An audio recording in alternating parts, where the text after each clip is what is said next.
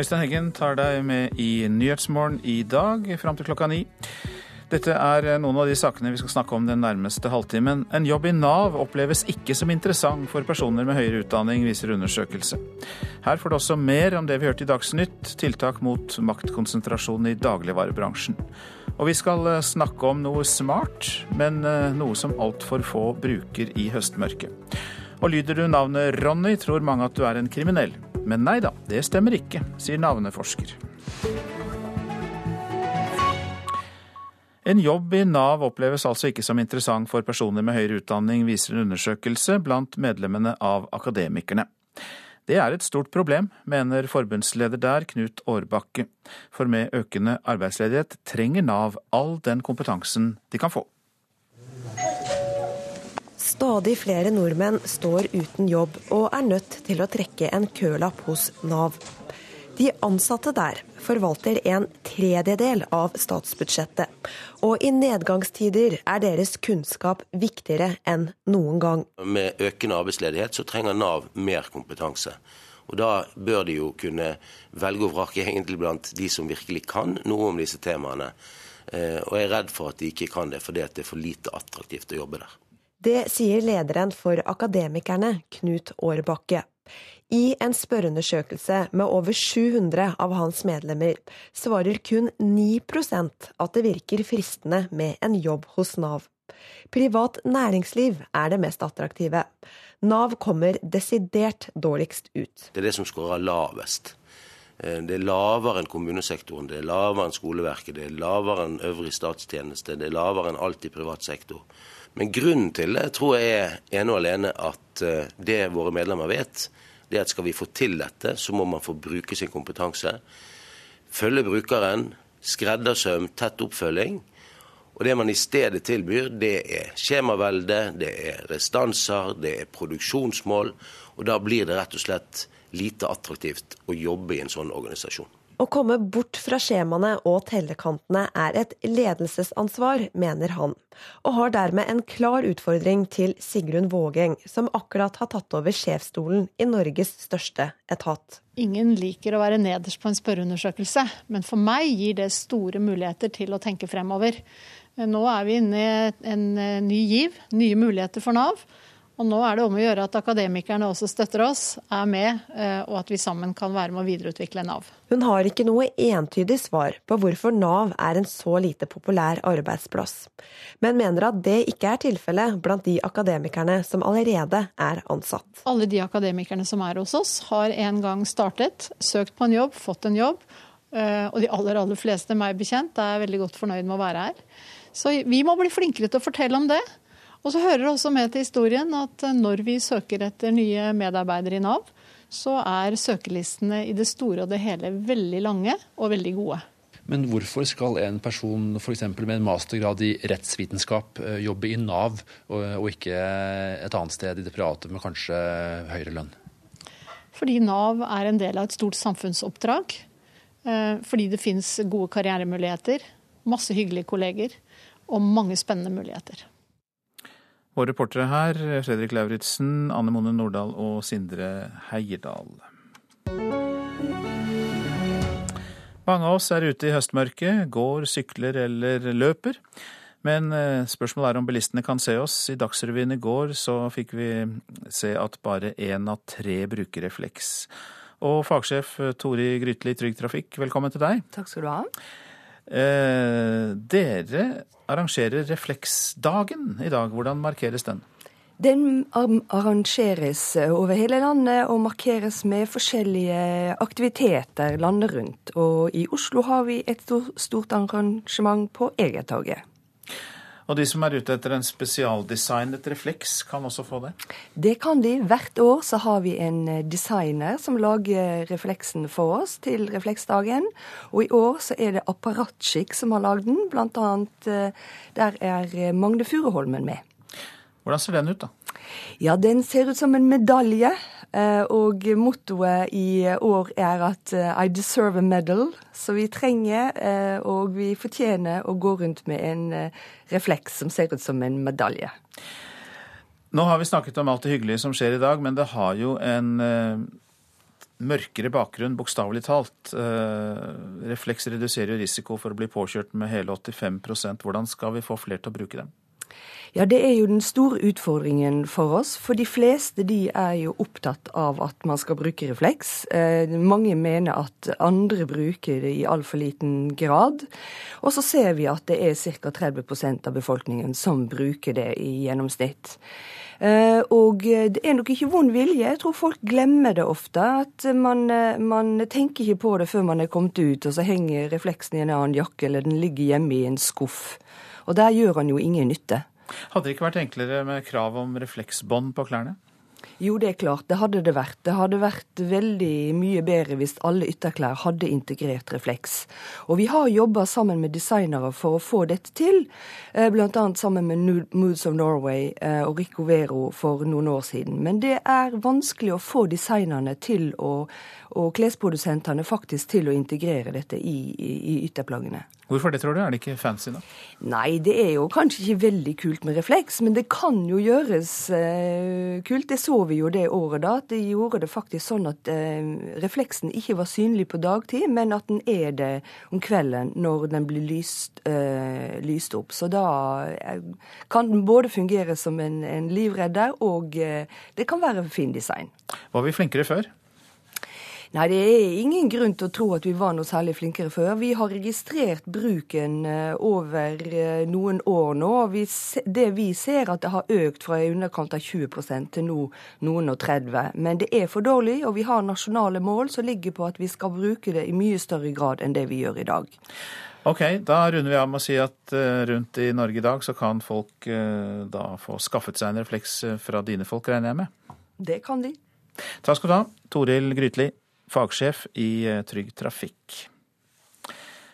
Nye tiltak mot maktkonsentrasjoner i dagligvaren ble etterlyst i Stortinget i går, og vi hørte om det i Dagsnytt nettopp. Er Miljøpartiet De Grønne frykter enda flere utsettelser i arbeidet med å stagge matmakta, som de kaller det, og de kjemper for en ny matlov. Men eh, er eh, pessimistiske på vegne av forbrukerne. Spørsmålet til landbruks- og matminister Listhaug lyder i dag har vi tre svært dominerende matvarekjeder i Norge. Hvordan vil statsråden sikre bedre konkurranse, forbrukermakt og effektivitet i dagligvarebransjen, slik Stortinget ba om i februar i år? Hver onsdag møter statsråder i stortingssalen for å svare på spørsmål fra de folkevalgte.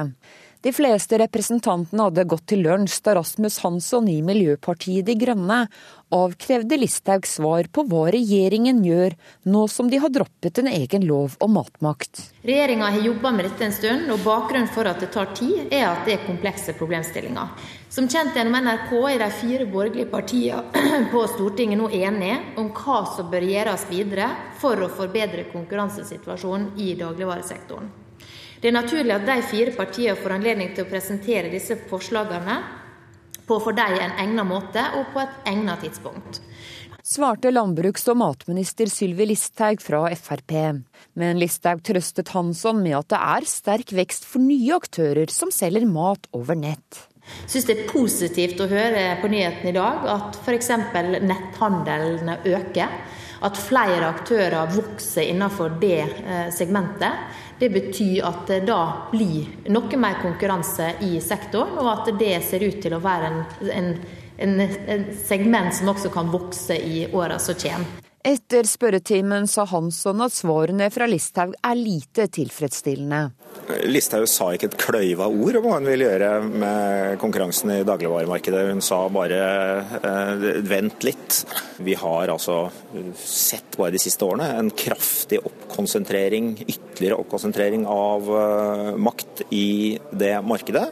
Eh, men ett år fra eller til, nå har det jo gått så mange år uansett. Hvorfor har ett år fra eller til noen betydning? Ja, Ett år har, eh, fra eller til har en betydning for det første fordi det er jo veldig bred enighet om at konkurransesituasjonen i dagligvaremarkedet er altfor svak. Også leder i næringskomiteen Geir Pollestad fra Senterpartiet uttrykker pessimisme etter svarene fra Listhaug. Eh, jeg har vanskeligheter for å tro at en i nærmeste framtid kommer med noe som helst for å regulere denne bransjen. Nei, Kjedene har jo lagd seg sine egne eh, regler, sånn at de skal ha full eh, kontroll og mest, kontroll, eh, mest mulig kontroll over leverandørleddet. Det må jo være et politisk mål å splitte opp den makta, legge klare begrensninger og kjøreregler for hvordan de skal opptre når de kjøper en vare. Og til sjuende og sist så er det forbrukeren som blir straffa med et dårligere utvalg, men det blir også mye tøffere for bøndene, som har sin inntekt og avhengig av hvilken kjede som inngår kontrakt med hvilken leverandør. Reporter her, det var Line Tomter. Så en kikk på avisene. USA og Russland bevæpner hver sin side i Syria, er oppslaget i Aftenposten. Konflikten i Syria er også stormaktenes krig, for opprørerne skyter med amerikanske raketter mot russiske stridsvogner som støtter Assad-regimet. Vårt Land viser over 3000 menneskefigurer på forsiden for å illustrere de som er savnet eller druknet i Middelhavet i år. Utenriksminister Børge Brende spør om det kan bli verre i Syria, og han svarer selv ja, det må vi være forberedt på. Asylretur virker ikke, de tvangsutsendte kommer tilbake. Det er oppslaget i Klassekampen, som har snakket med forfatteren Åse Brandevold, som har fulgt 22 afghanere som ble sendt ut av Norge. Ingen av dem er i Afghanistan nå, og seks av dem er tilbake her i landet. Pappapermen er ikke lang nok, sier Venstres Sveinung Rotevatn til Dagsavisen. Han vil dele foreldrepermisjonen i to like store deler. Dette er ett av seks tiltak han vil ha satt i verk i likestillingens navn, og han mener også at regjeringens likestillingsmelding er så dårlig at den ikke burde vært skrevet. Nektes kontroll over egen formue, derfor går de til sak mot staten, skriver Dagens Næringsliv om brødrene Fred og Petter Olsen og nærmere 20 andre medlemmer av rederfamilien. De har en stiftelse i Liechtenstein, men der myndighetene, nekter myndighetene dem full kontroll over formuen, og derfor så vil de ikke betale skatt av den til Norge. Matgigant ber om høyere avgifter, får vi vite i Nasjonen. Norgesgruppens distribusjonsselskap ønsker å bli klimanøytralt innen 2020. Og konserndirektør Torbjørn Johansson ber politikerne om strengere miljøkrav og økte avgifter på fossilt drivstoff for å få til det.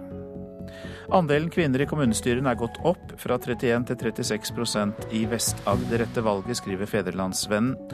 Den nye varaordføreren i Mandal er 23 år gamle Ingvild V. Torsvik fra Venstre, og hun er glad for økt innflytelse for kvinner i kommunen, der 15 av 35 kommunestyrerepresentanter nå er kvinner. Hanne Kristin Rode forteller om sin tidligere politisjefjobb i Dagbladet. Hun måtte tvinge seg selv til å slutte å tro at tingene hun fikk til, skyldtes flaks.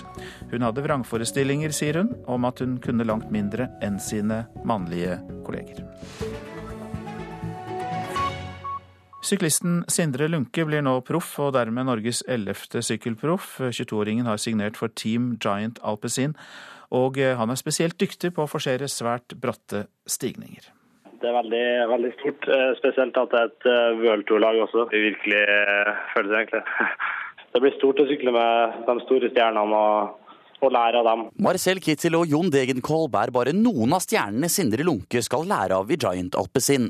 Sykkelekspert Mats Kaggestad mener Norges ferskeste sykkelproff kan fylle tomrom i norsk sykkelsport. Han er vel en rytter som eh, norske idretts- og sykkelpublikum eh, skriker etter. Særlig gode klatreegenskaper. Derfor han også hentes til Giant Alpezin. Etter at Tom de Møller ble seks sammenlagt i Spania rundt eh, i år. Stendig fravær av klatresterke ryttere der, og det er derfor de henter Sindre Lunke. 22-åringen har fått en toårskontrakt og kan være å se i et treukersritt allerede til neste år. Kanskje vi får se han i Spania rundt, det er ikke umulig. Jeg tror i så fall det er det mest ideelle hvis han skal debutere i en treukers uh, tour. Det spørs litt hvordan, uh, hvordan kroppen og, og er reagerer til det nye nivået. Men det er ikke umulig. Reporter Emil Gaukild. Du lytter til Nyhetsmorgen. Klokka passerte nettopp 6.47. Dette er hovedsaker. En jobb i Nav oppleves ikke som interessant. Det svarer eh, de fleste av de høyt utdannede medlemmene av fagforeningen Akademikerne. Norge vurderer å sende tilbake asylsøkere til Russland. Det sa utenriksminister Børge Brende da han møtte sin russiske kollega Sergej Lavrov i går. Tiltak mot for stor makt til dagligvarebransjen etterlyses av opposisjonen på Stortinget. Miljøpartiet De Grønne frykter enda flere utsettelser og vil ha en lov om god handelsskikk. Flere ungdommer bør få mulighet til å lære hvordan man kan takle depresjon og vanskelige følelser. Det mener 16 år gamle Emily Cottingham fra Nøtterøy, som selv har deltatt på et depresjonsmestringskurs. For henne har trommer og musikk hjulpet til å fokusere på noe positivt. Et par ganger jeg kjenner at det, det bygger seg opp innvendig. Så bare går jeg ned og slår.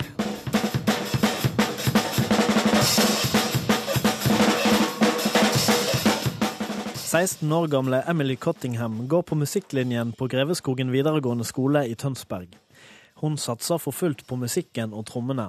Og det å fokusere på noe du er interessert i, er et av tipsene hun har dratt med seg fra depresjonsmestringskurset hun har deltatt på.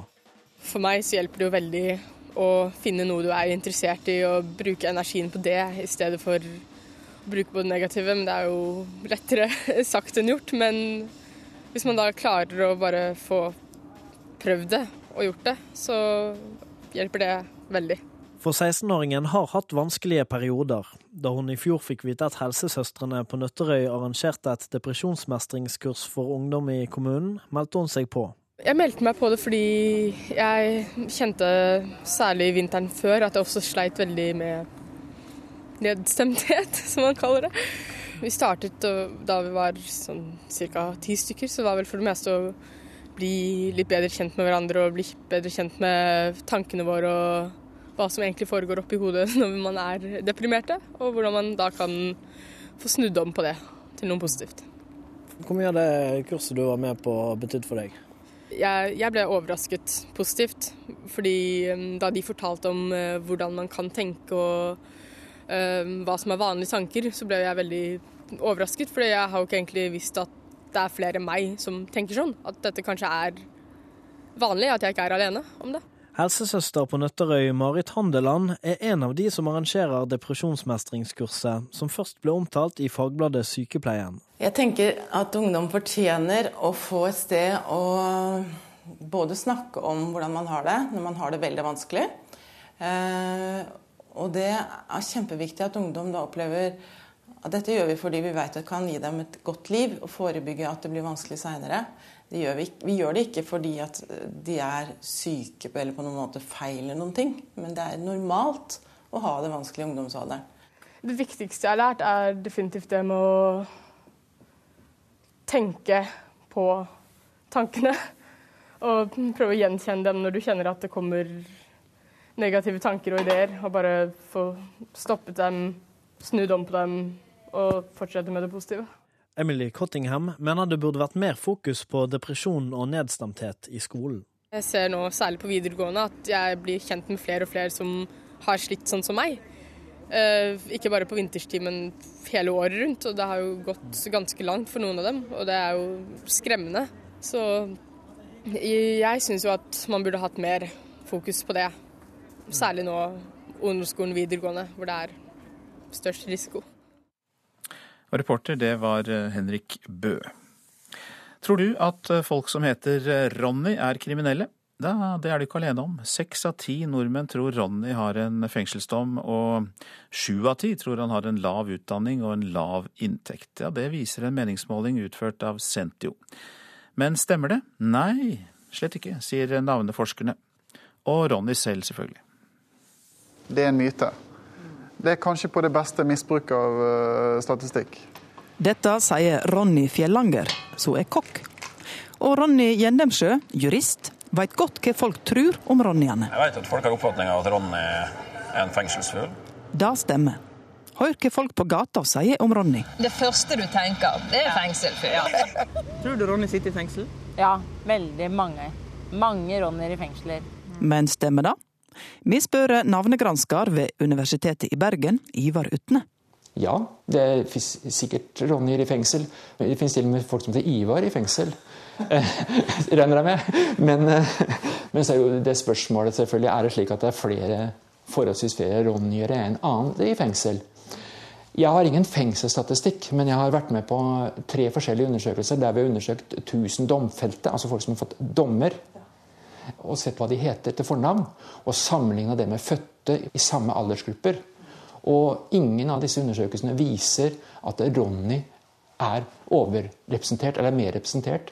Jeg får høre etter at, fra de som gjør undersøkelsen sammen med meg, at ja, men de blir veldig overraska. Det er jo ikke Ronny på topp her. Det er ikke navnet som bestemmer at man blir forbryter. Nå skal jeg lage skillingsboller. Hjemmelagd. Og kokken Ronny han skal få slå i hjel myten, en gang for alle. Altså det, det, er ingen kjeltringer som lager skillingsboller. Det det er et av de, de beste bevisene vi har for at Ron ikke er noe kjeltring. Reporter var Gøril Grov Sørdal. Og på NRK1 i kveld så skal hun i et av programmene i TV-serien Nomino undersøke hvorfor vi har så mange fordommer mot eh, Ronny. Og på nrk.no kan du også lese en kronikk forfattet av en Ronny. En av de mange som har reint rulleblad. Det må vi understreke. Og fra litt eh, navn som folk eh, er litt mistenkelige til, til eh, ord og uttrykk. For noe som er litt trist for oss som er glad i språket, er at nordmenn ikke lenger forstår uttrykk som krokodilletårer og bjørnetjeneste og høy i hatten. Det bekymrer også landets ledende språkforskere, som mener skolen må ta mer ansvar. Og på gaten hersker det språkforvirring. Jeg har hørt uttrykket før. Krokodilletårer. Er ikke det kjempestore tårer? Uh, I grevens tid det er vel at uh, en person uh, En person kom akkurat tidsnok før det er for sent. Det er heller litt eldre folk da, som bruker sånne uttrykk mer enn vi unge. Men der ungdommen ikke bryr seg så mye om hva de gamle uttrykkene betyr, vekker det store bekymringer hos andre. Ja, det er et problem. Det sier språkprofessor Finn Erik Vinje, som har kjempet for godt norsk språk i en mannsalder.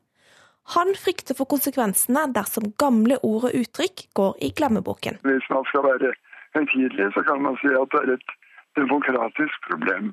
Hvis man er helt ukjent med den slags uttrykk, så faller man utenfor i det offentlige ordskiftet.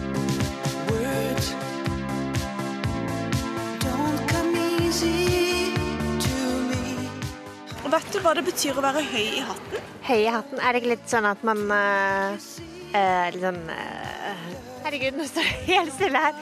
Eh, litt sånn eplehøy. Her er eplekjekk, kan man si det også?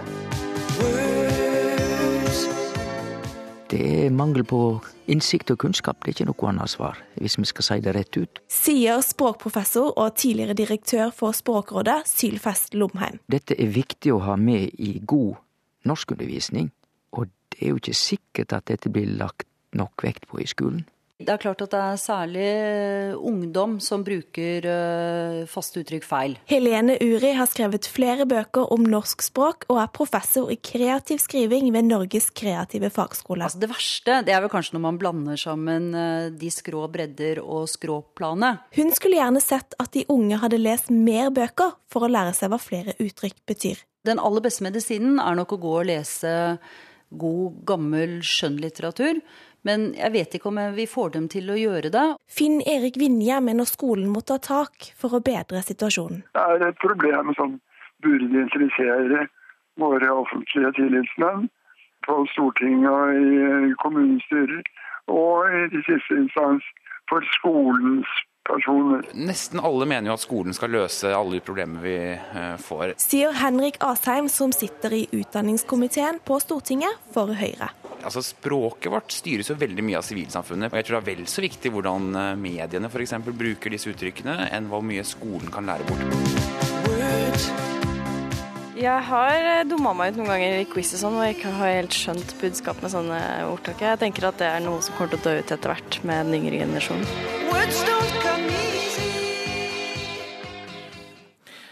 Reporter var Therese Moe, og politisk rådgiver i Utdanningsforbundet Jens Garbo mener det er viktig å forstå språkuttrykkene for å forstå sin eh, samtid.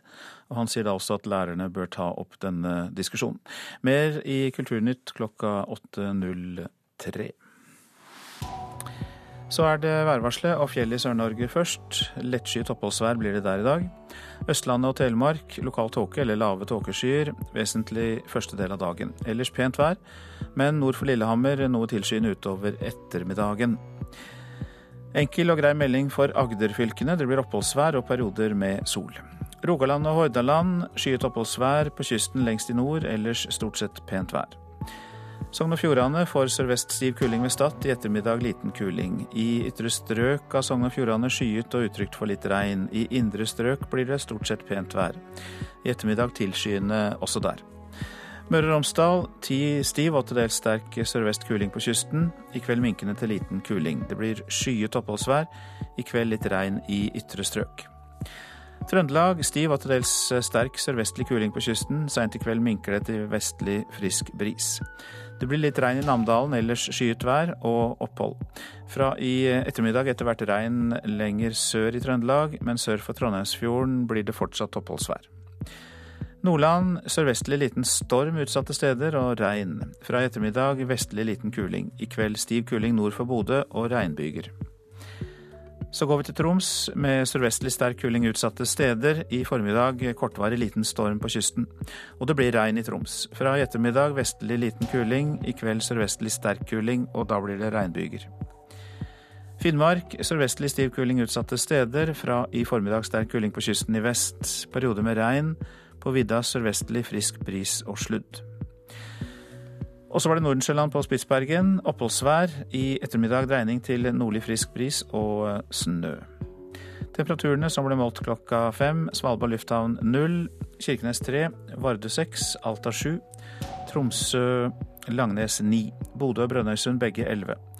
Trondheim-Værnes én grad. Molde fem. Bergen-Flesland tre. Stavanger fem. Kristiansand-Kjevik seks. Gardermoen minus tre. Lillehammer pluss én. Røros er nede i minus sju, mens Oslo-Blindern hadde null grader da klokka var fem.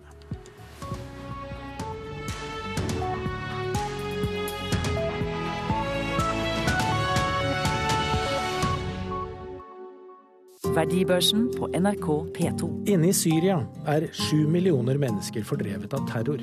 Jan Tore samler inn penger til sin kamerat Ayman, som er MS-rammet, trebarnsfar og ikke kommer seg vekk. Det var en mulighet for å få et sånt helsevisum til USA, men altså, datterens pass var umulig å skaffe fordi systemet er brutt sammen. Det er ingenting som fungerer. Vi må hjelpe syrerne der de er, heter det. Men hva betyr egentlig det? Verdibørsen lørdag klokken åtte i NRK P2. Folk med høyere utdanning vil ikke ta seg jobb i Nav. Og Wikileaks-gründer Julian Assange får ikke fritt leide til å dra på sykehus. Her er NRK Dagsnytt klokka sju ved Tone Nordahl. Folk med høyere utdanning er lite interessert i å ta seg jobb i Nav. Det viser en undersøkelse gjort blant medlemmene i Akademikerne. Forbundsleder Knut Årbakke mener en av årsakene er at det i Nav er for lite fokus på brukerne. Grunnen til det tror jeg er ene og alene at eh, det våre medlemmer vet, det er at skal vi få til dette, så må man få bruke sin kompetanse. Følge brukeren, skreddersøm, tett oppfølging. Og det man i stedet tilbyr, det er skjemavelde, det er restanser, det er produksjonsmål. Og da blir det rett og slett lite attraktivt å jobbe i en sånn organisasjon. Ebolasmitte kan overleve i opptil ni måneder i sædceller. Det viser en undersøkelse som er publisert i tidsskriftet New England Journal of Medicine. De foreløpige resultatene viser at menn kan være smittebærere lenge etter at de er blitt friske. Siden 2013 har ebola kostet øh, flere enn 11 000 mennesker livet i Vest-Afrika. Regjeringen bruker over 30 millioner kroner i året på at Forsvarets helikoptre skal være klare for politiet i løpet av én time. Men så langt har ikke politiet brukt tjenesten en eneste gang, skriver Dagens Næringsliv. Entimesberedskapen ble innført etter evalueringen som fulgte etter 22. juli-terroren. Justisdepartementet sier det har vært politisk flertall for å styrke beredskapen, og at kortere beredskapstid for helikoptre kan være nyttig den dagen det er behov for det. Wikileaks-grunnlegger Julian Assange får ikke fritt leide for å dra på sykehus. Storbritannia har avvist en forespørsel fra Ecuador om å gi Assange fritt leide på humanitært grunnlag for å ta en MR-undersøkelse på sykehus. Assange har siden 2012 oppholdt seg i Ecuadors ambassade i Storbritannia for å unngå å bli utlevert til Sverige, der han er siktet for voldtekt. Svaret fra Storbritannia er at Assange kan forlate ambassaden når som helst, men at den europeiske arrestordren står ved lag. Bare én av tre bruker refleks, ifølge Trygg Trafikk. I dag er det refleksdagen, og i anledning dagen har Trygg Trafikk fått laget en spesialdesignet refleks, forteller fagsjef Tori Grytli. Hvert år så har vi en designer som lager refleksen for oss til refleksdagen. Og i år så er det Apparatskikk som har lagd den, blant annet eh, der er Magne Furuholmen med. Eh, og mottoet i år er at eh, I deserve a medal. Så vi trenger og vi fortjener å gå rundt med en refleks som ser ut som en medalje. NRK Dagsnytt. Nyhetsmorgen fortsetter med disse sakene. Virkningen av mors influensavaksine under svangerskapet skal undersøkes. Internasjonale studier viser at barnet kan få lavere intelligens av det. 5% av våre eldre utsettes for vold og overgrep som forårsaker lidelse. Nå lanserer Kripos en kampanje mot vold i nære relasjoner.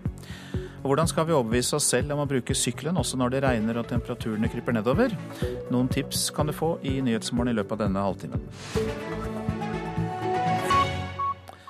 Folkehelseinstituttet har siden den store influensaepidemien i 2009 undersøkt konsekvensene for barn når mor har tatt svineinfluensa under svangerskapet. Internasjonale studier har tidligere vist at influensa hos gravide kan føre til at eh, barnet får lavere intelligens. For noen eh, mødre NRK har møtt, er vaksine viktig, for andre slett ikke. Nei, det har jeg ikke gjort. Jeg har vært forkjøla mens jeg har vært gravid. Jeg tenker at det går helt fint eh, nå også. Jeg skal gjøre det i morgen. For at jeg har fått eh, beskjed fra legen min at eh, barnet blir beskyttet seks måneder etter fødselen. Skal man ta influensavaksinen eller ikke? I disse dager forsker Folkehelseinstituttet på om norske barn kan ha tatt skade av at mødrene hadde influensa under graviditeten. 650 fireåringer testes på intelligens, motorikk og språk, forteller prosjektleder Lill Trogstad. Tidligere studier har vist at det kan være en sammenheng med influensainfeksjon i svangerskapet og redusert eh, IQ eh, og økt risiko for mental sykdom, eh, type schizofreni, hos barnet. Disse studiene er ikke konklusive, og det trengs mye mer forskning på dette feltet. Samtidig er influensavaksinen anbefalt for gravide som er over tolv uker inn i svangerskapet.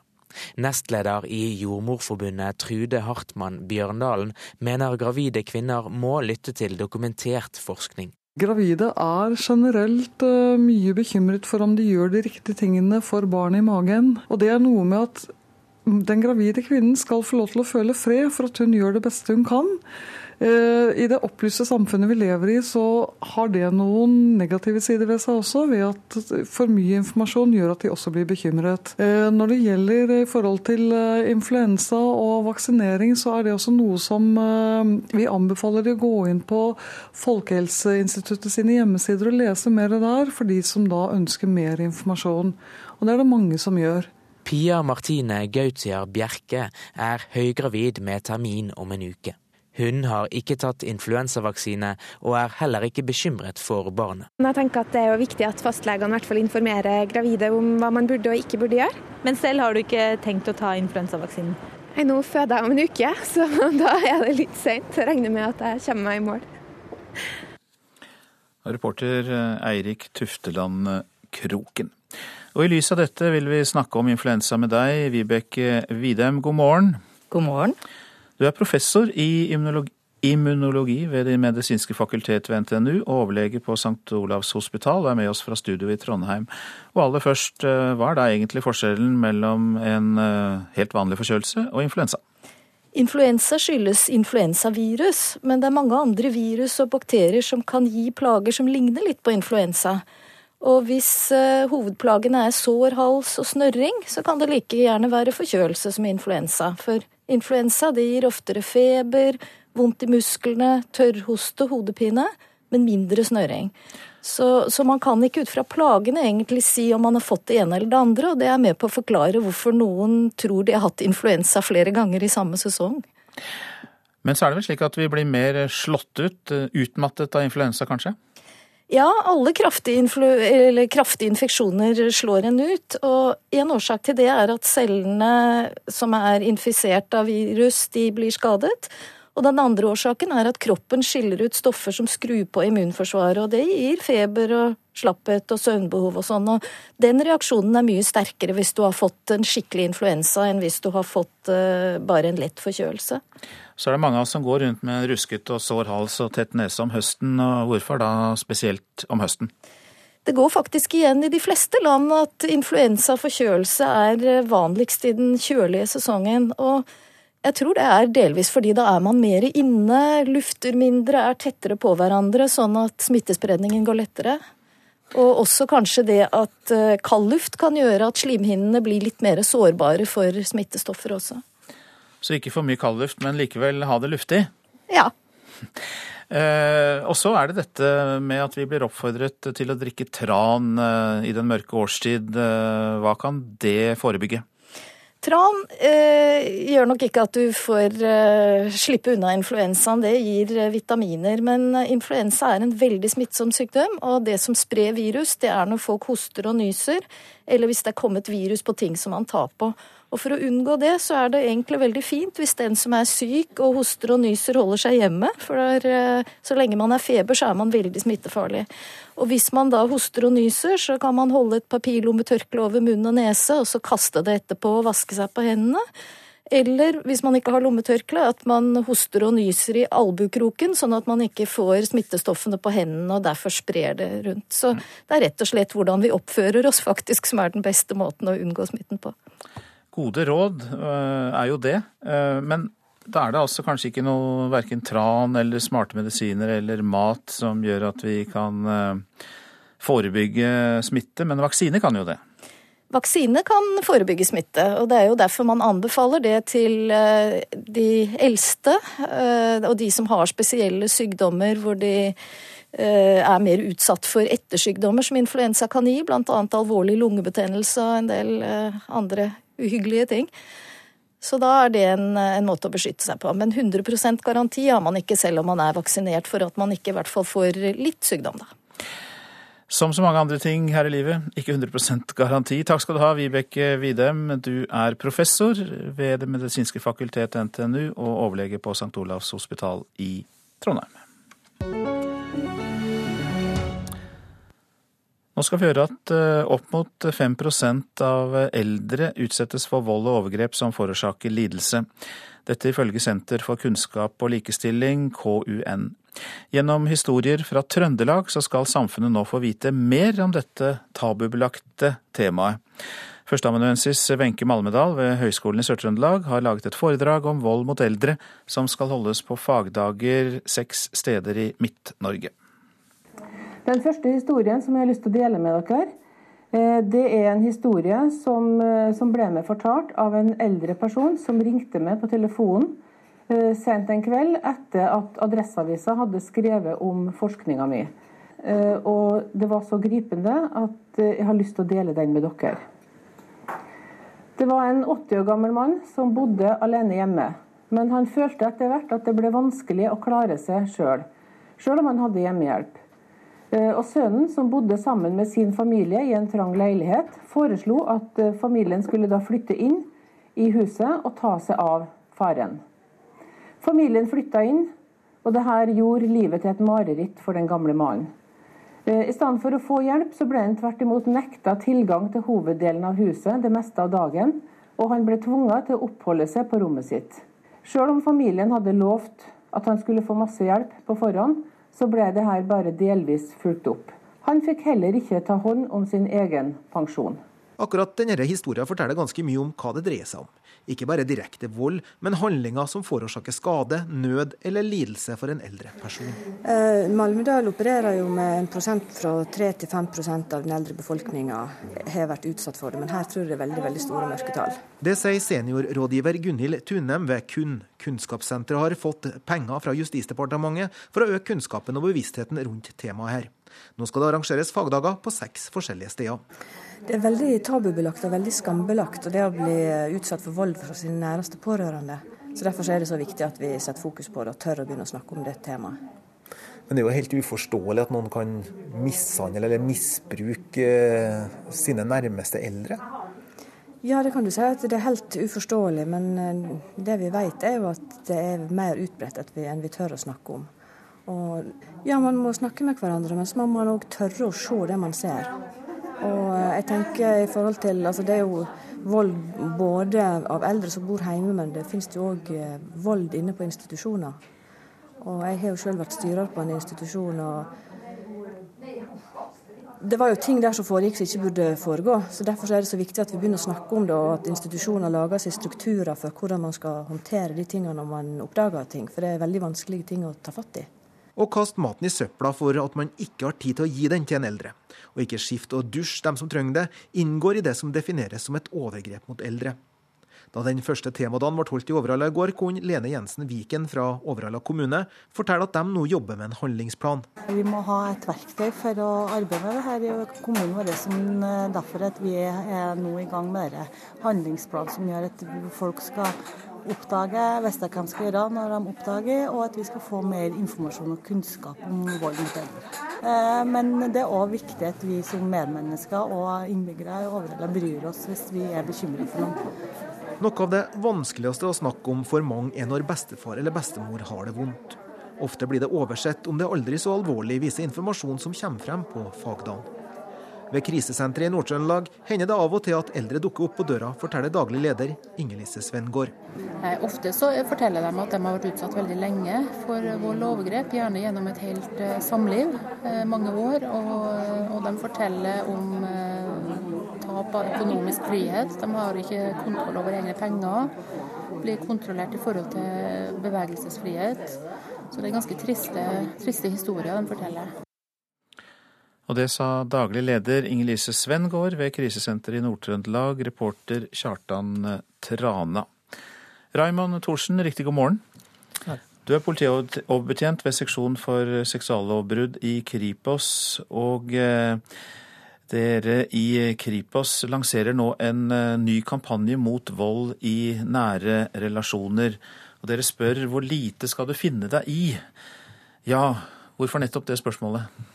Nei, Det handler jo om å, å prøve å se ting på en litt annen måte. Eh, Istedenfor hvor mye en skal finne seg i, hvor, hvor, lite. Og se de faresignalene som er kanskje allerede tidlig i et, et forhold.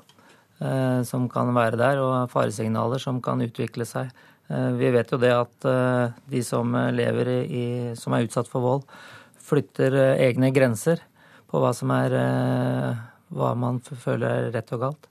Og derfor ønsker vi at folk skal da reflektere over dette på en litt ny måte. Mm. Mm. Det å oppdage disse faresignalene eller være oppmerksom på dem tidlig mm. blir da viktig. Hvilke er det, de signalene? Nei, eh, på, um, i vår kampanje så har vi jo eh, som har vi lagd en egen nettside på, som heter hvorlite.no. Og der kan man, har vi lagd en løsning på å gå inn og sjekke faresignaler. Og det dreier seg om egentlig alle typer former for vold. Ti spørsmål som man får og man tar stilling til. Eh, og det går på helt fra enkle former for kontroll, trusler, krenkelser. Eh, det ble sagt i innslaget før her opp mot å bestemme over egen økonomi, f.eks. Eh, hindrer deg å besøke venner, ødelegger ting. Til det mer, langt mer alvorlige som fysisk seksualisert vold. Mm. Eh, og, det mest alvorlige er jo da når det er eh, de to aspektene med både kontrollaspektet og den eh, fysiske volden. Når de to hører sammen, så er det jo veldig alvorlig, da.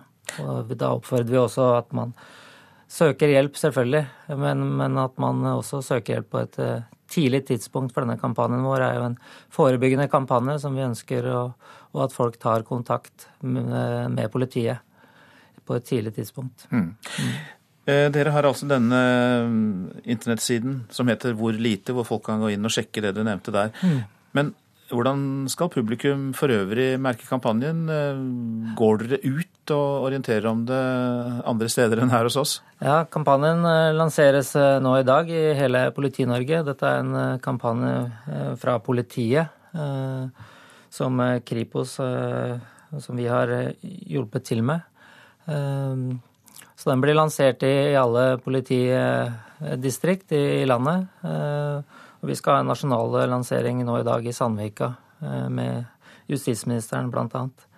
Ehm, og så har vi utarbeida de mer tradisjonelle plakater, fire plakater med forskjellige tema som skal eh, spres utover av politidistriktene. På, på legevakter, eh, Nav-kontor, bibliotek, videregående skoler. Eh, og så er det også lagd en, en, kampanjefilm. Vi har fått god hjelp av eh, kommunikasjonsselskapet Dynamo for øvrig til, til det. Som, skal spres på sosiale medier. Da. Og da er jo tanken at dette skal nå det brede publikum, som igjen skal gå inn på kampanjesiden hvorlite.no og få mer informasjon, og også finne andre hjelpetjenester. Bl.a. Vern for eldre, som igjen til innslaget før oss her. Som vi innledet med, ja. Men dette gjelder jo da, som du også da sier, mye mer enn bare det. Ja. Mange takk skal du ha, prosjektleder Raymond Thorsen, som altså er politioverbetjent ved seksjon for seksuallovbrudd i Kripos, og fortalte om denne kampanjen som lanseres i dag. Ja, Du lytter til Nyhetsmorgen. Klokka den har passert 7.18. Dette er noen av våre hovedsaker. Virkningen av mors influensavaksine under svangerskapet undersøkes av Folkehelseinstituttet. Internasjonale studier viser at barn kan få lavere intelligens av at moren har hatt influensa. Ebolasmitte kan overleve opptil ni måneder i sædceller, det viser en amerikansk studie. Menn kan være smittebærere lenge etter at de er blitt friske.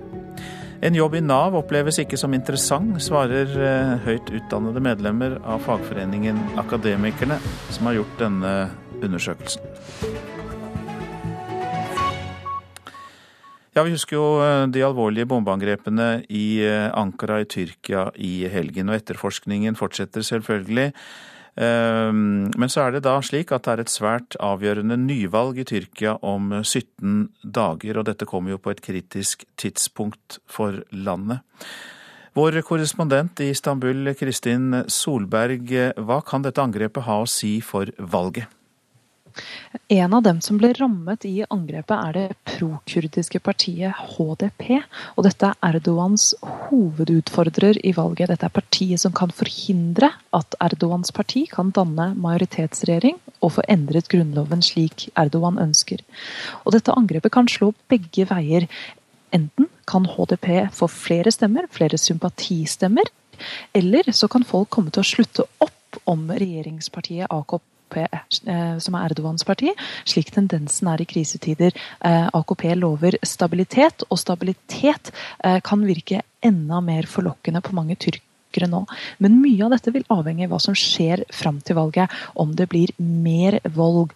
For det er slik at en del tyrkere frykter at HDP har angivelig tilknytning til det forbudte PKK. Det benekter HDP selv, men myndighetene mer enn antyder dette. Og Blir det flere angrep fra PKK, så kan det føre til at flere snur seg vekk fra HDP. Og Derfor er det positivt at PKK for HDP at de ikke, har sagt at de ikke skal utføre flere angrep før, før valget. Mm. Tyrkia er jo et stort og folkerikt land mellom Europa, Midtøsten, Asia, så det er jo et land vi bør bry oss om. Hva er det som står på spill for dette viktige landet i nettopp dette valget, Kristin Solberg? Det er spesielt to ting. Altså det er retningen for Tyrkias demokratiske fremtid, og så er det Erdogans politiske fremtid for ham selv. Og dette er jo et nyvalg. Det var et valg i juni der AKP, Erdogans parti, for første gang på 13 år ikke klarte å få en majoritetsregjering. Nå ønsker Erdogan nok stemmer til å danne en majoritetsregjering. I tillegg så ber han om nok stemmer til å kunne endre grunnloven for å gi seg selv mer makt. I dag har Tyrkia en mer symbolsk presidentrolle. Han, Erdogan, ønsker et sterkt presidentsystem. Men for Erdogans motstandere så er dette skremmende. De mener Erdogan tar Tyrkia i en stadig mer autoritær retning. Og for dem handler dette valget om å sikre Tyrkias demokratiske fremtid. Er det da noe nytt i etterforskningen om bombene som da drepte vel rundt 100 personer på jernbanestasjonen i Ankara? Ja, nå har myndighetene i flere dager sagt at sporene peker mot IS. Nå sier de at både IS og da Kurdistans, forbu Kurdistans forbudte arbeiderparti PKK kan være involvert. Det var statsminister Ahmed Davutoglu som sa at noen av de mistenkte hadde tilbrakt flere måneder i Syria, og at myndighetene har bevis for tilknytning til IS, men også til PKK. Det kan lyde noe usannsynlig, for disse er eh, både IS, IS og PKK er fiender som kjemper mot hverandre i Syria og Irak. Så et samarbeidsprosjekt lyder nokså usannsynlig. Myndighetene har også anholdt to personer som sendte tweets på Twitter om bomben i Ankara før den skjedde, der de varslet om bomben. Og De sier at begge disse hadde tilknytning til PKK. Men nå eh, foregår det da altså to granskninger, og ingen har tatt på seg skylden ennå. Eh, og opposisjonspartier her de krever nå at også nasjonalforsamlingen setter i gang sin egen uavhengige granskning. Og det sier litt om hvor splittet Tyrkia er nå. Mange takk for den orienteringen fra deg, vår korrespondent eh, i Istanbul, Kristin Solberg. Nå til eh, avisene her hjemme. USA og Russland bevæpner hver sin side i Syria, er oppslaget i Aftenposten. Konflikten i Syria er også stormaktenes krig, fordi opprørere skyter med amerikanske raketter mot russiske stridsvogner som støtter Assad-regimet. Vårt Land viser over 3000 menneskefigurer på forsiden for å illustrere de som er savnet eller druknet i Middelhavet i løpet av dette året. Utenriksminister Børge Brende spør om det kan bli verre i Syria, og svarer selv ja, det må vi være forberedt på. Asylretur virker ikke, de tvangsutsendte kommer tilbake. Det er oppslaget i Klassekampen, som har snakket med forfatteren Åse Brandevold, som har fulgt 22 afghanere som ble sendt ut av Norge. Ingen av dem er i Afghanistan nå, og seks av dem er tilbake i Norge. Pappapermen er ikke lang nok, sier Venstres Sveinung Rotevatn til Dagsavisen. Han vil dele foreldrepermisjonen i to like store deler. Dette er ett av seks tiltak han vil ha satt i verk i likestillingens navn. Og han mener også at regjeringens likestillingsmelding er så dårlig at den ikke burde vært skrevet. Nektes kontroll over egen formue, derfor går de til sak mot staten, skriver Dagens Næringsliv om brødrene Fred og Petter Olsen, og nærmere 20 andre medlemmer av rederfamilien. De har en stiftelse i Liechtenstein, men der nekter myndighetene Olsen-familien full kontroll over formuen, og det fører til at de nekter å betale skatt av den til Norge. Matgigant ber om høyere avgifter, får vi vite i Nasjonen. Norgesgruppens distribusjonsselskap ønsker å bli klimanøytralt innen 2020. Og konserndirektør Torbjørn Johansson ber politikerne om strengere miljøkrav og økte avgifter på fossilt drivstoff for å få det til. Andelen kvinner i kommunestyrene er gått opp fra 31 til 36% i Vest-Agder etter valget, skriver Federlandsvennen. Den nye ordføreren i Mandal er 23 år gamle Ingvild V. Thorsvik fra Venstre, og hun er glad for økt innflytelse for kvinner i kommunen, der 15 av 35 kommunestyrerepresentanter er kvinner nå. Hanne Kristin Rode forteller om sin tidligere politisjefjobb i Dagbladet. Hun måtte tvinge seg selv til å slutte å tro at tingene hun fikk til, skyldtes flaks. Hun hadde en vrangforestilling om at hun kunne langt mindre enn sine mannlige kolleger, sier Rode til avisa. Skal du sykle til jobben i dag, så kikker du ut av vinduet, og det er regn og det er kaldt. Og så bestemmer du deg nei, i dag får sykkelen stå, jeg tar bussen eller toget. Ja, og mye tyder på at du ikke er alene om det. Opptil halvparten av syklistene kan forsvinne hvis, eh, hvis, det regner, og kommer frosten så er det ytterligere flere som, som blir borte. Det sier Mai Andrine Gran i sykkelprosjektet i Oslo kommune. For ser vi på statistikken for sykling i Oslo, og statistikken for været i barmarkssesongen i fjor og i år, er det mye som tyder på at hverdagssyklistene lar sol og regn avgjøre om de tar tohjulingen fatt. De månedene det regnet mye, var det også færre som syklet forbi sykkeltellerne langs hovedveiene. F.eks. regnet det mye i april i fjor, lite i april i år. Og antall syklister økte 31% sammenlignet med april i fjor. Ser vi på september, sank antallet syklister 12% og været. I september i år kom det 158 millimeter nedbør, mot bare 42 millimeter i fjor. Jeg tror at de eh, tar bil og kollektivtrafikk i mye større grad. og Det er mye mer kø, det er trangere på bussen. Og som syklist så blir man jo veldig glad i friheten til å bevege seg hvor man vil, når man vil. Er det et problem at eh, folk lar sykkelen stå når det regner? Ja, det er det. Det er et uh, kjempeproblem. Mer trafikk, særlig biltrafikk, fører til økt forurensning med støy. Eh, det fører til mer ulykker, alvorlige ulykker. Ehm, Det er absolutt et, ikke bra at folk velger spesielt bil. Men ikke alle lar seg affisere av det våte fra oven. Da tar jeg på meg regntøy, sydvest og full habit. Sier Vigdis Gautvik, som er syklist nummer 527 forbi sykkeltelleren på Tåsen denne formiddagen. Ni grader og en sur vind er ingen hindring. Jeg sykler til og fra arbeidet.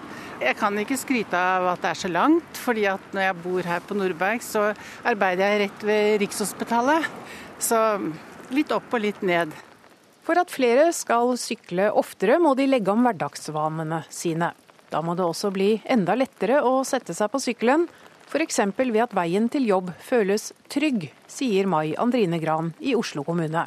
Det vi ser er at det er veldig mange oppgir at de ikke sykler mer fordi de føler seg utrygge i Oslo-trafikken.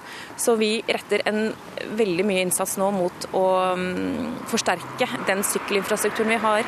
Uh, vi lager rød asfalt i sykkelfeltene. Vi, vi, lager noe vi kaller for sykkelbokser uh, inn mot kryssene, sånn at syklisten skal komme først fram i krysset og være synlig og tydelig. og Det er også et fremkommelighetstiltak for syklistene, for det, det gjør at de sparer litt tid. Og Mai Andrine Gran i Sykkelprosjektet Oslo kommune til slutt der, reporter eh, Nina Didriksen. Du lytter altså til eh, Nyhetsmorgen, produsent Ingvild Ryssdal, her i studio Øystein Heggen. I reportasjen etter Dagsnytt skal vi høre at det er framgang i rettsoppgjøret mot forbryterne fra militærdiktaturet i eh, Chile. Skribenten Jan Arild Snoen mener Høyre må kvitte seg med KrF, at regjeringen må drive politikk og ikke administrasjon. Snoen møter parlamentarisk nestleder i Høyre, Nikolai Astrup, til debatt om dette i Politisk kvarter. Og spørsmålet SV stiller er om Arbeiderpartiet i Bergen har solgt seg for billig til Venstre og Kristelig Folkeparti. Det blir jo debatt av det også i Politisk kvarter.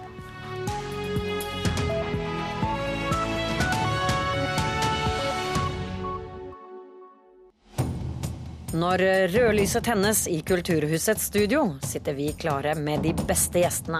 De som hjelper deg å forstå hva som skjer rundt oss med kulturblikk. Hvilken film forklarer hvordan det er å være flyktning? Hører Munch og Melgaard sammen? Er Jo Nesbø så bra som folk skal ha det til? Vi går i dybden med de aktuelle sakene. Hva mer kan du ønske deg, egentlig? Kulturhuset hverdager klokka 13 på NRK P2.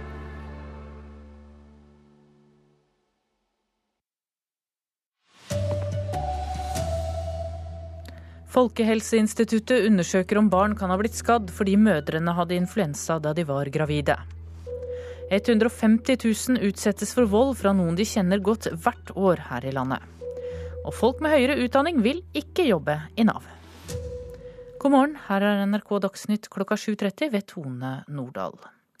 Folkehelseinstituttet undersøker nå om norske barn kan ha tatt skade av at mødrene fikk svineinfluensa under graviditeten. Tidligere studier, studier, tyder på at influensa hos gravide kan føre til at barnet får lavere intelligens eller psykisk sykdom. For noen av kvinnene NRK har møtt, er vaksine viktig, for andre slett ikke. Nei, det har jeg ikke gjort. Jeg har vært forkjøla mens jeg har vært gravid. Jeg tenker at det går helt fint eh, nå også. Jeg skal gjøre det i morgen. For at jeg har fått eh, beskjed fra legen min at eh, barnet blir beskyttet seks måneder etter fødselen. Skal man ta influensavaksinen eller ikke? I disse dager forsker Folkehelseinstituttet på om norske barn kan ha tatt skade av at mødrene hadde influensa under graviditeten. 650 fireåringer testes på intelligens, motorikk og språk, forteller prosjektleder Lill Trogstad. Tidligere studier har vist at det kan være en sammenheng med influensainfeksjon i svangerskapet og redusert eh, IQ eh, og økt risiko for mental sykdom, eh, type schizofreni, hos barnet. Disse studiene er ikke konklusive, og det trengs mye mer forskning på dette feltet. Samtidig er influensavaksinen anbefalt for gravide som er over tolv uker inn i svangerskapet. Nestleder i Jordmorforbundet Trude Hartmann Bjørndalen mener gravide kvinner må lytte til dokumentert forskning. Gravide er generelt eh, mye bekymret for om de gjør de riktige tingene for barnet i magen. Og det er noe med at den gravide kvinnen skal få lov til å føle fred for at hun gjør det beste hun kan. Eh, I det opplyste samfunnet vi lever i, så har det noen negative sider ved seg også, ved at for mye informasjon gjør at de også blir bekymret. Eh, når det gjelder i forhold til eh, influensa og vaksinering, så er det også noe som vi anbefaler å gå inn på Folkehelseinstituttet sine hjemmesider og lese mer der, for de som da ønsker mer informasjon. Og det er det mange som gjør. Pia Martine Gautier Bjerke er høygravid med termin om en uke. Hun har ikke tatt influensavaksine, og er heller ikke bekymret for barnet. Jeg tenker at Det er jo viktig at fastlegene hvert fall informerer gravide om hva man burde og ikke burde gjøre. Men selv har du ikke tenkt å ta influensavaksinen? Nå føder jeg om en uke, så da er det litt seint. Regner med at jeg kommer meg i mål. Reporter her var Eirik Tufteland Kroken. 150 000 personer blir utsatt for vold fra noen de kjenner godt hvert år, men et fåtall anmelder, ifølge politiet. I dag spør Kripos hvor lite skal til når de lanserer sin nye kampanje mot vold i nære relasjoner. Flere må ta kontakt med politiet tidlig, sier Raymond Thorsen i Kripos. Det handler jo om å, prøve å se ting på en litt annen måte. Eh, Istedenfor hvor mye en skal finne seg i, hvor, hvor, lite. Og se de faresignalene som er kanskje allerede tidlig i et, et, forhold. Det går på helt fra enkle former for kontroll, trusler, krenkelser, bestemme over egen økonomi f.eks., til det mer, langt mer alvorlige som fysisk eh, vold, eh, seksualisert vold. Og da oppfordrer vi også at man tar kontakt med politiet på et tidlig tidspunkt. Russlands bombing i Syria kommer bare til å forlenge krigen. Det sier utenriksminister Børge Brende, som møtte sin russiske kollega Sergej Lavrov i går kveld. Døde blir lagt i tepper og båret vekk. Det brenner i bygninger i den fra før utbombede bydelen i Aleppo. Det som skal være russiske jagerfly, har bombingen fra luften, mens den syriske hæren sammen med iranske soldater og Hizbollah-milits går til storoffensiv mot opprørere i Aleppo. Byen kontrolleres delvis av opprørere og IS. Dessverre har vi jo sett at ni av ti angrep så langt fra russisk side har vært knytta til andre organisasjoner. Den frie syriske uh, armeen uh, og andre organisasjoner som um, driver kamp mot Assad. Utenriksminister Børge Brende hadde samtaler med sin russiske kollega Sergej Lavrov på møte i Barentsrådet i går kveld. Dette vil uh, forlenge krigen. Russisk støtte til Assad betyr at han kan sitte lengre. Han har hovedansvaret for at 250 000 mennesker er drept. Han har brukt kjemiske våpen mot sitt eget folk. Det vi må få til med Russland, er en forståelse for at Assad må eh, fases ut, og at vi må ha en inkluderende regjering i eh, Damaskus som effektivt kan begynne å bekjempe ISIL, og ikke styrke de kreftene Ehm, som vil hindre dette. Russerne tar Krim, og de er aggressive i Ukraina. Nå bomber de i Syria. Eh, verden er blitt et kaldere sted.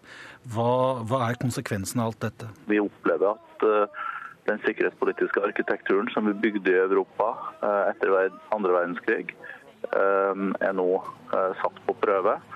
Veldig avgjørende at folkeretten er vårt førstelinjeforsvar. Reporter her var Øyvind Nyborg. Regjeringen bruker over 30 millioner kroner i året på at Forsvarets helikoptre skal være klare for politiet i løpet av én time. Men så langt har ikke politiet brukt tjenesten en eneste gang, skriver Dagens Næringsliv. Entimesberedskapen ble innført etter 22. Folk med høyere utdanning er lite interessert i å ta seg jobb i Nav. Det viser en undersøkelse gjort blant medlemmene i Akademikerne. Og det er et stort problem, mener forbundsleder Knut Årbakke. For med økende arbeidsledighet trenger Nav all den kompetansen etaten kan få. Stadig flere nordmenn står uten jobb og er nødt til å trekke en kølapp hos Nav. De ansatte der forvalter en tredjedel av statsbudsjettet. Og i nedgangstider er deres kunnskap viktigere enn noen gang. Med økende arbeidsledighet så trenger Nav mer kompetanse.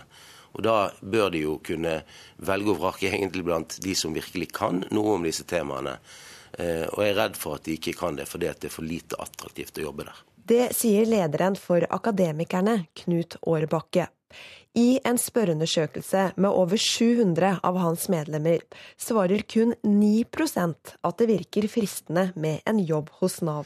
Men grunnen til det tror jeg er ene og alene at eh, det våre medlemmer vet, det at skal vi få til dette, så må man få bruke sin kompetanse. Og det man i stedet tilbyr, det er skjemavelde, det er restanser, det er produksjonsmål. Å komme bort fra skjemaene og tellekantene er et ledelsesansvar, mener han, og har dermed en klar utfordring til Sigrun Vågeng, som akkurat har tatt over sjefsstolen i Norges største etat. Ingen liker å være nederst på en spørreundersøkelse, men for meg gir det store muligheter til å tenke fremover. Nå er vi inne i en eh, ny giv, og nå er det om å gjøre at akademikerne også støtter oss, er med, eh, og at vi sammen kan være med å videreutvikle Nav.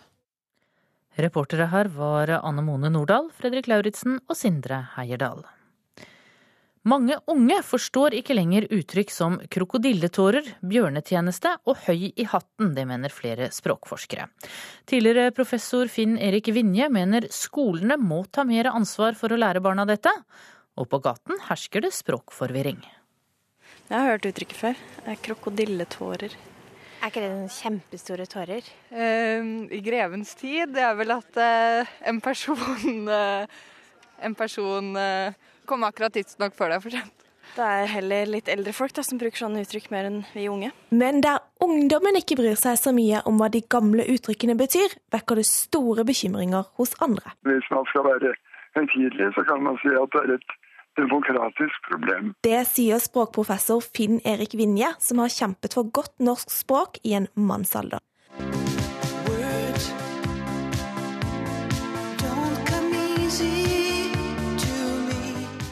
Og vet du hva det betyr å være høy i hatten? Høy i hatten? Er det ikke litt sånn at man uh, uh, Litt sånn uh, Herregud, nå står det helt stille her. litt sånn eplehøy. Her er eplekjekk. Kan man si det også? Det er mangel på innsikt og kunnskap. Det er ikke noe annet svar, hvis vi skal si det rett ut. Sier språkprofessor og tidligere direktør for Språkrådet, Sylfest Lomheim. Dette er viktig å ha med i god norskundervisning, og det er jo ikke sikkert at dette blir lagt nok vekt på i skolen? Nesten alle mener jo at skolen skal løse alle de problemer vi eh, får. Sier Henrik Asheim, som sitter i utdanningskomiteen på Stortinget for Høyre. Og jeg tror det er vel så viktig hvordan eh, mediene f.eks. bruker disse uttrykkene, enn hvor mye skolen kan lære bort. Jeg har eh, dumma meg ut noen ganger i quiz og sånn, hvor jeg ikke har helt skjønt budskap med sånne ordtak. Jeg tenker at det er noe som kommer til å dø ut etter hvert med den yngre generasjonen. Ja, reporter her var Therese Moe. Ansvarlig for Dagsnytt-sendingene i dag er Bjørn Christian Jacobsen.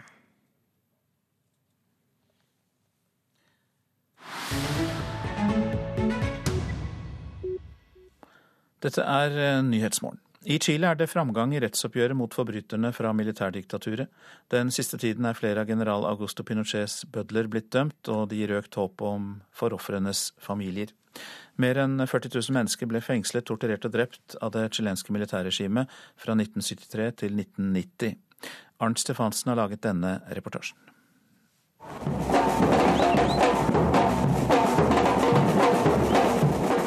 Et par tusen demonstranter går i protesttog gjennom gatene i Chiles hovedstad Santiago. Vi gir aldri opp å få dere straffet, står det på en stor transparent som bæres først i toget. Det er etterlatte etter militærdiktaturets ofre som protesterer. For mer enn et kvart hundre år etter at diktaturet gikk i graven, er det fortsatt titusener som ikke har fått svar på hva som skjedde med deres kjære. Og de færreste av bødlene har fått sin dom. Vi demonstrerer for at regimets forbrytelser ikke skal bli glemt, sier initiativtakeren Lorena Pizarro. Men det viktigste er å opprettholde kravet om at hele sannheten om det som skjedde under diktaturet, må bli kjent, og at de skyldige må dømmes, sier hun. Ofrene for militærstyret i Chile fortsetter sin kamp for rettferdighet mer enn 40 år etter kuppet som rystet verden. Den 11. september 1973 satte militære kuppmakere inn jagerfly mot presidentpalasset i Santiago, og landets demokratisk valgte regjering ble styrtet. De militære startet et terrorvelde som kostet mer enn 4000 mennesker livet. Men den dag i dag er de aller færreste dømt for sine ugjerninger. Når forbrytere ikke straffes, påføres samfunnet en sykdom, sier den kjente journalisten og forfatteren Fernando Villagran. Folks respekt for lov og rett blir ødelagt, og det skapes en dobbeltmoral som gjennomsyrer samfunnet, slik vi har sett i Chile under diktaturet, og som vi fortsatt ser. Men heldigvis ser vi nå at stadig flere blir dømt for sine forbrytelser, sier han.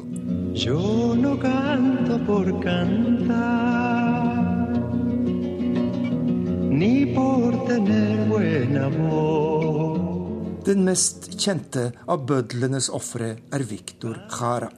Den berømte sangeren som ble arrestert og torturert på det grusomste på en stadion i Santiago de Chile. Victor Jara ble funnet i en bakgate med 44 kuler i kroppen, og til denne dag er ingen dømt for forbrytelsen. Men nylig ble ti militære tiltalt i denne saken, og rettssaken vil trolig starte rundt nyttår. La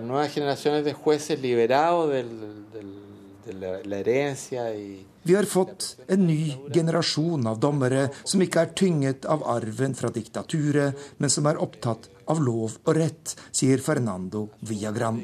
Det er slike dommere vi må sette vår lit til hvis dette landet skal fri seg fra den moralske sumpen vi befinner oss i.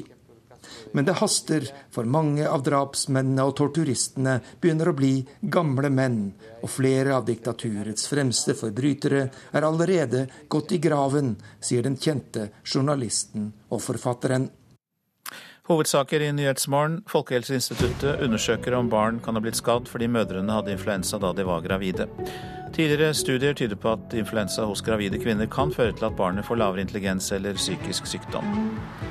150 000 utsettes for eh, vold fra noen de kjenner godt. I dag lanserer Kripos en kampanje mot vold i nære relasjoner. Folk med høyere utdanning vil ikke jobbe i Nav, viser undersøkelse blant medlemmer av Fagforbundet Akademikerne.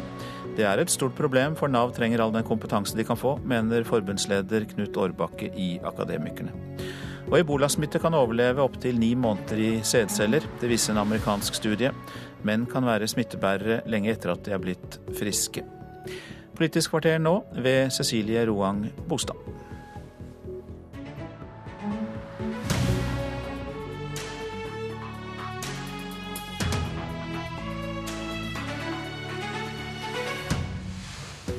Høyre har redusert seg selv til å bli en administrator av regjeringen, og har nesten ingen blåfarge igjen i sin iver etter å tekkes samarbeidspartiene, mener kommentator Jan Arild Snoen.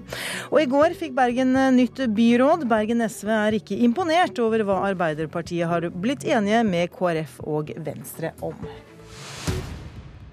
Riktig god morgen, velkommen til Politisk kvarter.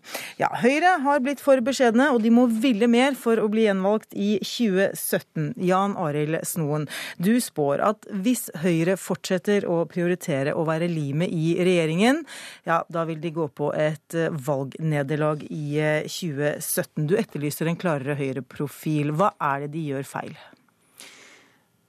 Det at de sitter nå og skal administrere fire partier og få samarbeidet til å fungere og gi goder til alle tre andre, gjør at Høyre blir ganske utydelige. Vanligvis så er det sånn at storebror i en koalisjon eller et samarbeid eh, gjør det bra, gjør det OK, mens det er noen av de mindre som gjør det dårlig. Vi så det sånn med Arbeiderpartiet, de gjorde det ganske bra, mens SV tapte. Nå er det sånn at det er Høyre som taper mest av de fire som sitter og er bak denne regjeringen. Og Det tror jeg er fordi at vi ser for lite tydelig høyrepolitikk. At det blir for utydelig dette prosjektet, og at det gir for mye til de andre. Hva, hva ønsker du deg av, mer av? Ja, For det første så burde det kuttes litt, sånn at du fikk eh, plass til, eh, til andre satsinger uten å ta det fra oljefondet.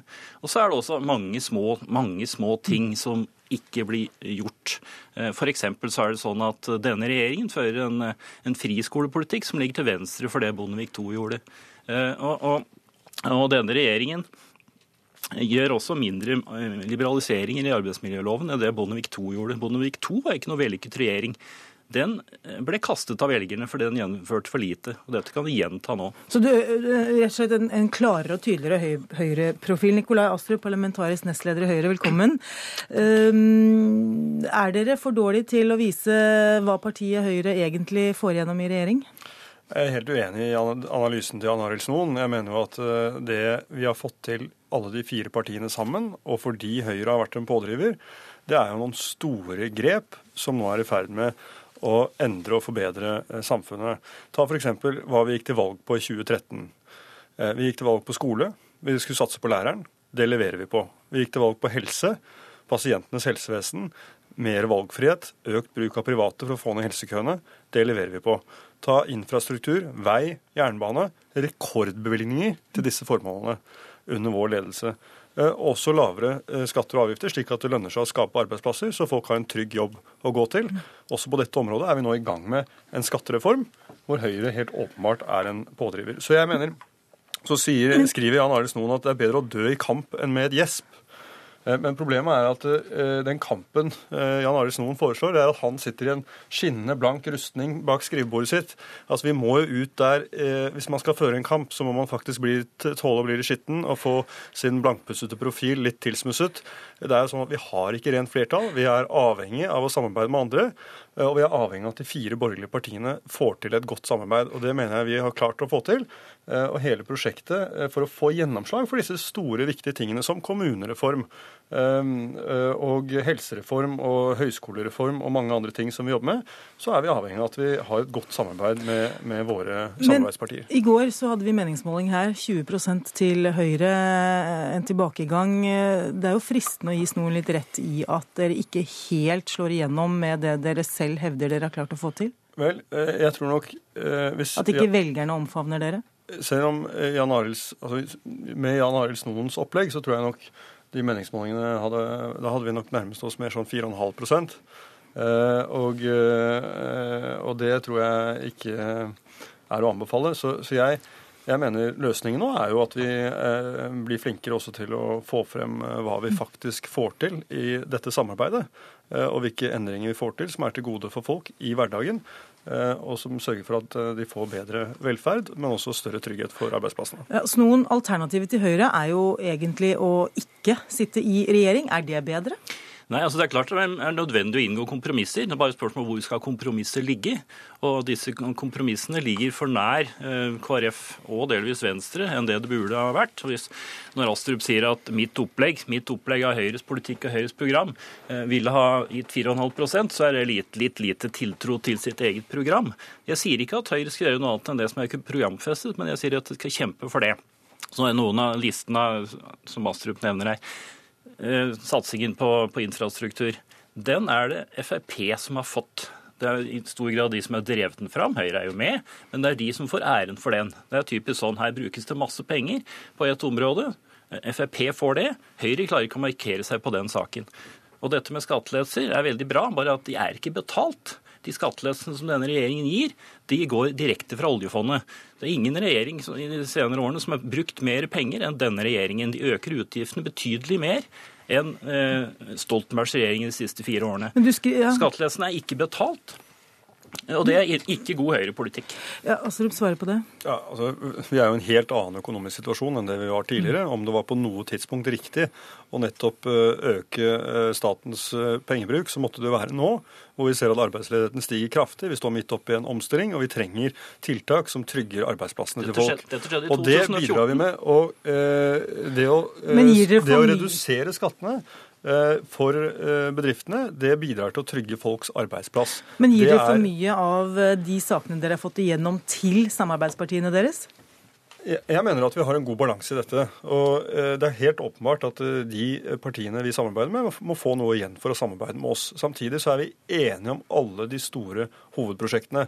Og som jeg sa, så sammenfaller de ganske godt med det som var Høyres hovedsaker foran valget i 2013. Vi leverer på det vi lovet velgerne at vi skulle gjøre.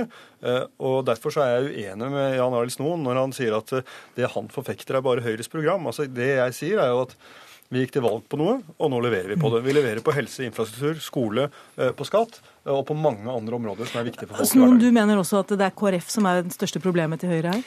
KrF er det største problemet fordi KrF ikke er noe borgerlig parti. Det sier de selv, og de deler ingen av de viktige retningsvalgene som Høyre står for. Høyre er et liberalt parti, det er ikke KrF. Høyre er et borgerlig parti, det er ikke KrF. Høyre er et moderne parti, det er ikke KrF. Høyre vil redusere skattene, det vil ikke KrF, osv. osv. Det er for lite felles med KrF, og da spriker det. Da blir dette Bortens staur. Astrup, er du Sett i Oslo. I Oslo så styrte vi i 18 år. Og hvorfor gjorde vi det? Jo, fordi vi klarte å få til et godt samarbeid mellom alle de fire borgerlige partiene. Og fordi, som, som også inkluderte Kristelig Folkeparti. Så for deg så er fortsatt KrF et borgerlig parti? De er et ikke-sosialistisk parti, og det er bedre enn at de er et sosialistisk parti. Og jeg tror ikke vi skal bidra til å drive dem over slik at de blir et sosialistisk parti. De selv mener de er ikke-sosialistiske, og det forholder jeg meg til. Og det betyr at vi er enige om ganske mye, og vi er enige om regjeringens hovedprioriteringer. Og det er viktig for at denne regjeringen skal få levert på det den har sagt den skal gjøre. Takk til dere to.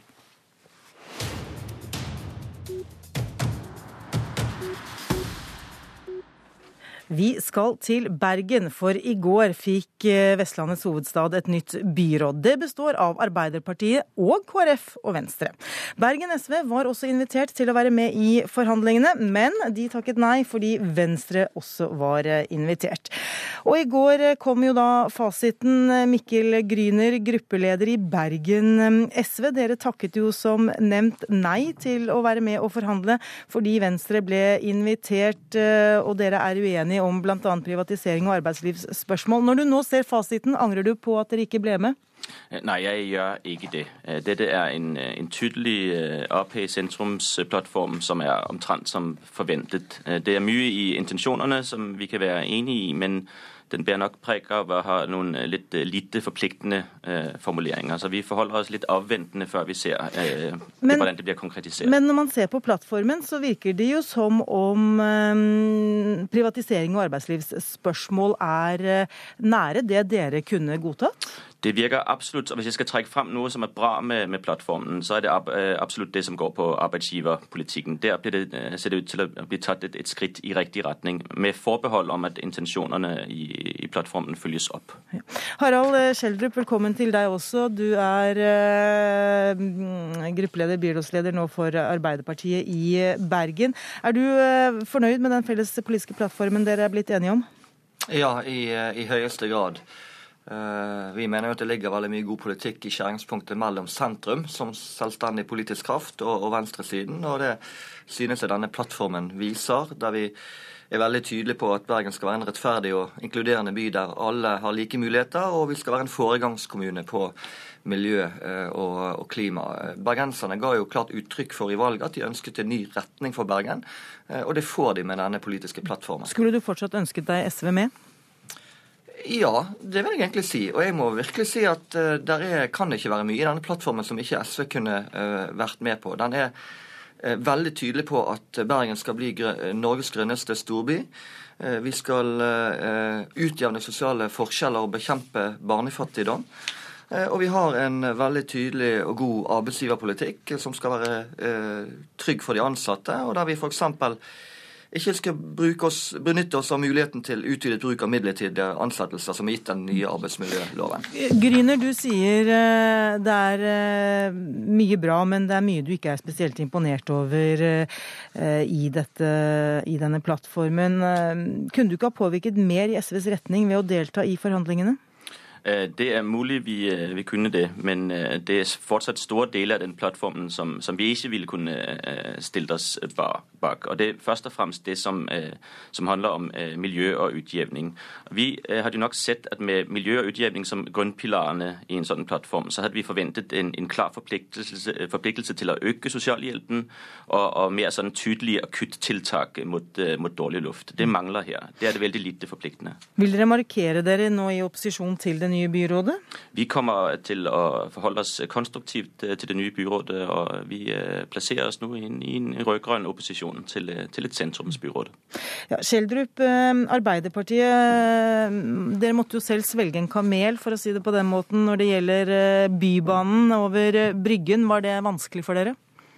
Eh, vi fikk en annen løsning for traseen gjennom sentrum enn Arbeiderpartiet har ønsket, men vi fikk en veldig god løsning for de øvrige deltraseene. Og eh, I Bergen er det aller viktigste nå å få lagt en periode med rot og kaos bak seg eh, og komme seg videre. Det gjør vi nå med å få avklaringer rundt Bybanen, som gjør at vi kan bygge den kontinuerlig både vestover og nordover. Mm. Men i valgkampen så var du veldig opptatt av å gjenreise tilliten til velgerne.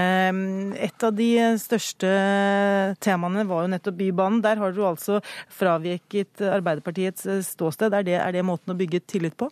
Ja, men nå er det sånn at det må være helheten i en plattform som legges til grunn. Og eh, som sagt, den øvrige delen av Bybanen har Arbeiderpartiet fått gjennomslag for sine syn. Og så har vi måttet gi oss på noen hundre meters bybanetrasé i Bergen sentrum. For øvrig en, en trasé som også nå SV har ønsket, så de er sikkert også fornøyd. Eh, men dette ligger da en, en, periode med rot og kaos. Og denne saken mer enn noen annen har jo preget bergenspolitikken. Og det kan vi nå legge bak oss. Mm.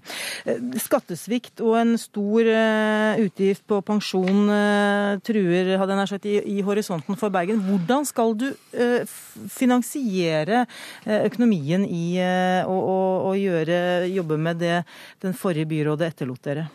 Altså, vi er jo veldig tydelige på at vi skal ha en trygg økonomistyring. Eh, og eh, alle satsinger som vi skal gjøre, må gjøres innenfor det handlingsrommet vi har. Derfor har vi vært også veldig tydelige på at vi må prioritere. F.eks. på skole så skal vi prioritere flere lærere på de første trinnene, slik at alle barn lærer å lese, regne og skrive tidligere. Da må de andre prioriteringene innen skole, skole komme deretter. og Det er vi også veldig tydelige på i denne plattformen. Men, men eh, hvordan skal du finansiere det? Jeg ser Dere skal, har ikke tenkt å øke eiendomsskatten, bl.a.? Nei, det er jo rett. Eh, men eh, Bergen kommune har altså et budsjett på 20 milliarder kroner. Der er rom også for satsinger. Men ansvarlig økonomistyring må komme først, og det skal dette byrådet prioritere. Gryner, eh, hva er du mest bekymret for rundt de sosiale, den sosiale innretningen på dette, denne plattformen? Altså, jeg er bekymret for at man ikke følger opp de gode intensjonene med, med konkrete tiltak. Jeg hadde forventet at man økte den kommunale sosialhjelpen. Og så ser jeg jo veldig lite i Øh, i plattformen om, øh, om, om klestillegget, 80 %-regelen, øh, og, og, spesielt med det som blir trukket fram her om, om eiendomsskatten. Når man så samtidig fryser inntektene fra eiendomsskatten, da blir det lite handlingsrom hvis det trengs. Man har ikke mulighet til å påvirke inntektssiden i budsjettet. Men, men det syns jeg er bekymringsfullt. Men nå er jo eiendomsskatten på et, innført på et rekordnivå av Høyre og Frp, og det, det faktisk smerter mange boligeiere som også har dårlig råd. sånn at, at vi er mm. kommet til et punkt nå der vi måtte, måtte sette strek på det. Og så er jo ikke dette et budsjettdokument som gjør de helt konkrete, detaljerte prioriteringene. Det skal vi gjøre i budsjettet. Så langt eh, sier vi takk til eh, Mikkel Gryne, gruppeleder i Bergen SV, og Harald Skjeldrup fra Arbeiderpartiet i Bergen. Takk for at dere begge var med i Politisk kvarter. Politisk kvarter er nå slutt. I studio satt eh, Cecilie Roang Bostad.